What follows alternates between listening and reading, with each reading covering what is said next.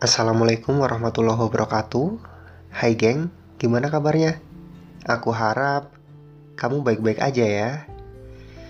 Akhirnya Motif Hand telah sampai di episode 9 Dan di episode ini aku bakal cerita kenapa sih dulu aku ikut relawan. Aku ikut relawan itu tahun 2016 Ketika aku masuk semester 7 kalau nggak salah pada saat kuliah S1 dan memang tujuan aku sih nyari pengalaman aja ya nyari pengalaman uh, gimana sih uh, dunia luar kampus kayak gitu. Dan ternyata apa yang selama ini aku impi-impikan itu semua ada di sana kayak gitu. Dan akhirnya ya seneng-seneng aja ngejalaninya. Cerita ini sebenarnya udah pernah aku apa ya ceritakan dalam buku antologi aku yang pertama itu terbit tahun 2017 uh, dengan judul Bangga Jadi Relawan. Ini adalah buku antologi pertama yang aku tulis bareng teman-teman relawan Nusantara Malang dan di buku itu aku bakalan banyak sekali mengulik soal gimana awal-awal aku terjun di dunia relawan. Penasaran? Makanya tetap dengerin podcast episode ini ya. Mentari pagi ini menyilaukan mataku yang tengah asik bermimpi. Ku coba membuka mata secara perlahan. Sulit rasanya menahan kantuk ini. Aku tersentak kaget ketika jam di atas dinding kamarku menunjukkan pukul 7 lebih 28. Lagi-lagi aku bangun kesiangan. Ku dorong tubuhku untuk turun dari ranjang.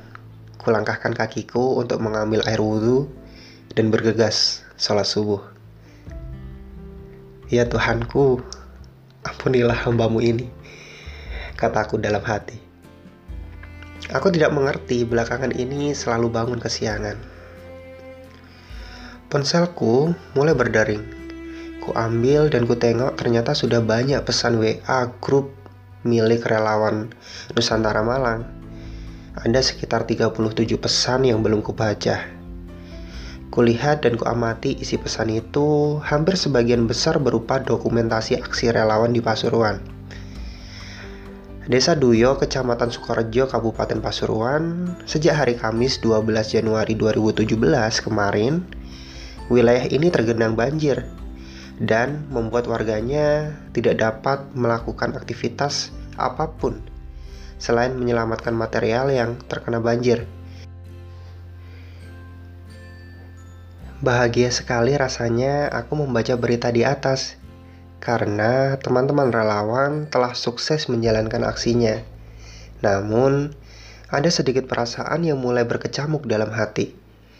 Aku tidak memahami secara pasti, yang jelas ingin sekali rasanya diri ini bisa terlibat dalam aksi seperti itu. Ada sedikit rasa penyesalan karena tidak bisa ambil bagian dalam acara tersebut. Karena ada agenda lain yang tidak bisa aku tinggalin. Aku mulai mencoba untuk berpikir positif. Mungkin hari esok waktunya.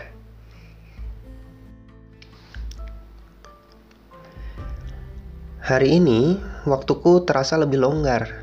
Ku amati jadwal agenda yang tertempel di dinding kamar. Tidak sebanyak hari kemarin. Aku mulai menyalakan laptopku dan mulai mengecek emailku. Setelah beberapa menit menunggu, terlihat bahwa tidak ada satupun pesan yang masuk. Aku agak kecewa karena email yang dari seminggu lalu aku kirim belum juga dapat balasan. Akhirnya, kuputuskan untuk membuka Spotify. Aku cari lagu-lagu dengan irama upbeat yang sekiranya dapat menghibur kegundahan hati ini. Ku volume musik secara perlahan Aku coba untuk menikmati setiap alunan musik yang dimainkan. Aku mencoba membuka akun Facebook pribadiku. Kulihat ada beberapa postingan foto-foto relawan ketika acara Diksar tiga minggu yang lalu. Sedikit flashback dalam ingatanku. Ada beberapa kejadian selama Diksar yang membuat aku kembali memikirkan bagaimana untuk bisa menjadi seorang relawan seutuhnya. Relawan yang selalu siap sedia di, ketika ada yang membutuhkan bantuan, relawan yang bekerja dengan tulus tanpa mengharap balas budi relawan yang memberikan kerja nyata, bukan selfie untuk menunjukkan eksistensi diri. Masih terngiang dalam kepalaku ketika dini hari, sekitar pukul 2 pagi, para peserta dibangunkan hanya dengan beberapa tiupan peluit saja. Beberapa peserta yang dengar tiupan peluit itu mulai membangunkan para peserta lain yang masih pulas tertidur. Kami harus segera mengemasi barang bawaan masing-masing tanpa ada satupun yang tersisa di bivak yang kami tinggali. Sambil menenteng karier, kami pun mulai lari dan bergegas menuju sumber suara.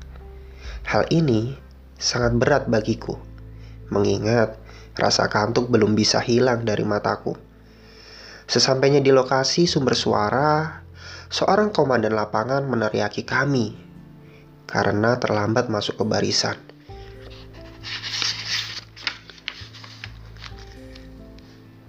Saya sudah ingatkan kepada kalian kemarin, jika ada satu saja dari kalian yang terlambat, maka hukuman akan dilimpahkan kepada semua peserta tanpa terkecuali. Ingat, kalian ini satu kelompok, jangan egois satu sama lain. Ujar komandan lapangan. Karena kesalahan ini, semua peserta ambil posisi untuk melaksanakan push up. Push up pun ketika dini hari dilakukan sebanyak 30 kali. Mengingat push up ini dilakukan dengan memikul karier, maka beban para peserta juga lebih berat. Ada rasa tidak tega dan kasihan kepada teman-teman peserta. Banyak di antara kami yang meminta keringanan kepada komandan lapangan untuk mengganti posisi push up menjadi squat jam, namun tidak semua permohonan peserta dituruti oleh komandan lapangan. Dini hari ini ada agenda simulasi bencana. Para peserta dituntut untuk ikut terlibat dengan memerankan beberapa profesi seperti tim relawan, tim kesehatan, tim evakuasi, dan juga tim keamanan. Sedangkan korban diperankan oleh para panitia diksar. Ada sebuah kejadian unik pada simulasi ini, yang mana ketika itu aku tengah mencoba menolong salah satu korban. Korban tersebut mengalami luka parah pada bagian lengannya. Setelah tim kesehatan mengobati lukanya, aku dan tim evakuasi mencoba untuk memindahkan korban ke posko bencana dengan menggunakan tandu. Ada tiga orang yang akan memindahkan korban. Salah satunya aku yang kebetulan kebagian di bagian tengah korban. Kami mencoba memulai mengangkatnya, namun tidak bisa terangkat karena tubuh korban yang terlalu berat.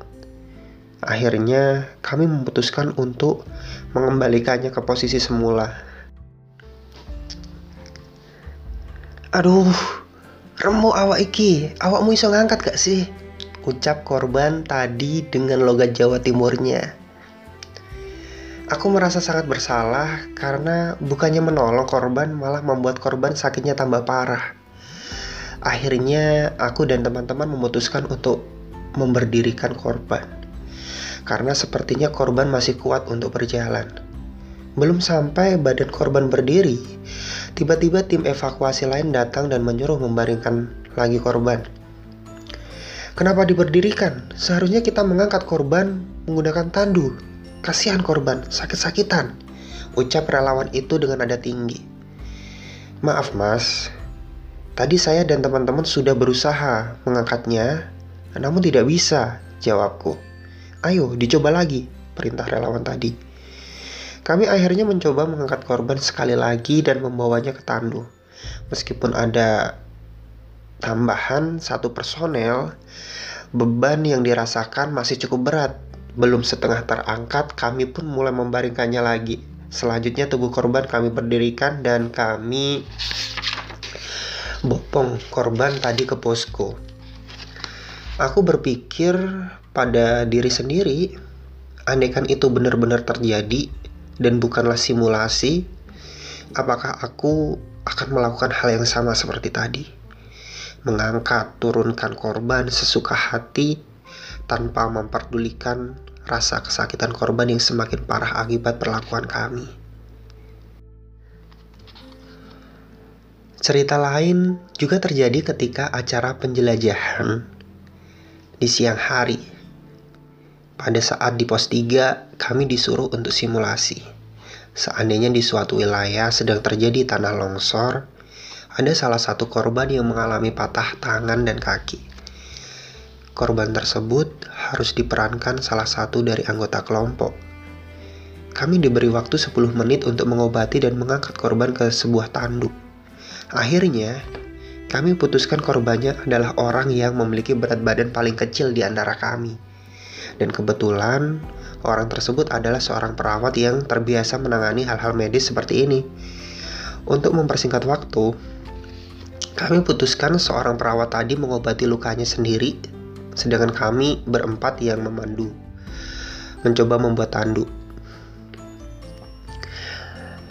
Ketika sang korban telah selesai menangani lukanya sendiri, tanduk yang kami buat belum jadi. Tanduk tersebut baru jadi ketika waktu yang disepakati telah habis. Kami pun mulai mengangkut korban ke atas tanduk. Namun di tengah pengangkatan korban, tiba-tiba terdengar bunyi peluit tanda waktu habis dan panitia di pos tersebut mengatakan kepada kami bahwa korban telah meninggal karena kami telat membawanya ke tanduk. Sangat miris sebenarnya mendengar ucapan panitia tadi. Mengingat hanya kurang beberapa detik saja kami mampu menyelesaikan tugas ini. Namun, yang namanya keterlambatan dalam suatu bencana tidak bisa ditoleransi walau satu detik saja karena ini menyangkut nyawa manusia. Akhirnya, kami menggotong korban ke pos selanjutnya dalam kondisi meninggal. Jarak pos ini dengan pos berikutnya cukup jauh. Terkadang kami berhenti sejenak untuk mengembalikan tenaga yang sejak tadi mulai terkuras. Air minum yang menjadi bekal persediaan kami di perjalanan ini juga sudah menipis. Sangat terasa sekali menjadi seorang relawan membutuhkan kerja keras yang serba ekstra. Bukan hanya fisik yang ditata, namun juga mental yang harus ditempa. Sesampainya di pos terakhir, ketua kelompok melaporkan kepada panitia penjaga pos bahwa korban sudah dalam kondisi meninggal. Di pos ini, kami diceramahi bahwa baru kelompok kamilah yang korbannya meninggal. Untuk mempertanggungjawabkan hal tersebut, akhirnya kami dipaksa melakukan push up lima kali sebagai hukumannya. Hukuman ini sebenarnya tidaklah seberapa jika dibandingkan dengan nyawa seorang manusia.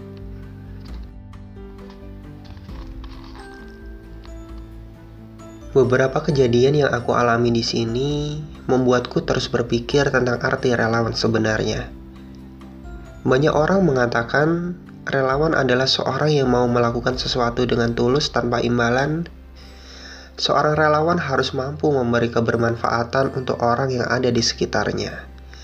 Relawan juga harus senantiasa bersikap rendah hati apabila banyak orang memujinya.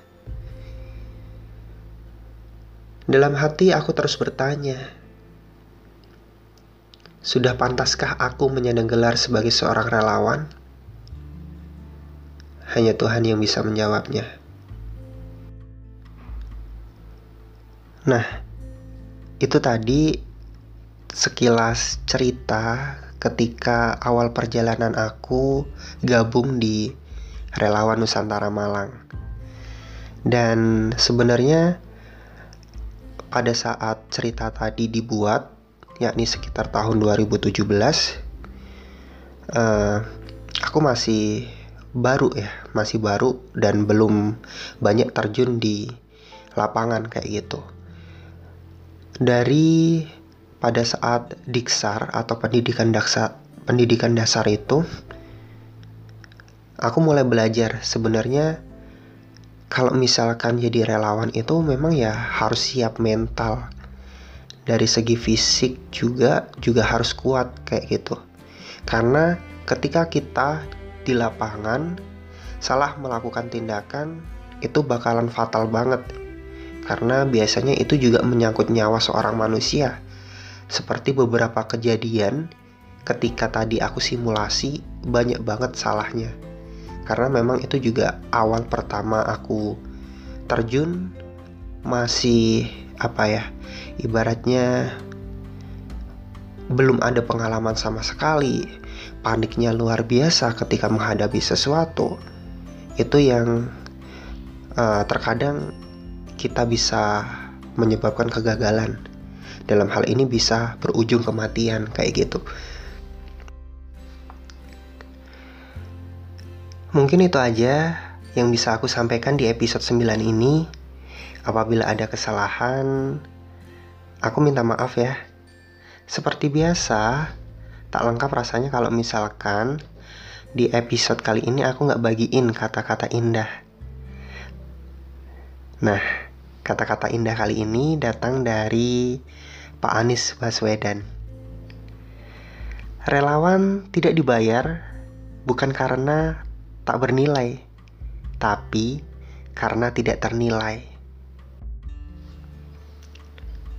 Oke, terima kasih banyak buat yang udah ngedengerin sampai akhir episode ini. Sekian dari aku. Wassalamualaikum warahmatullahi wabarakatuh.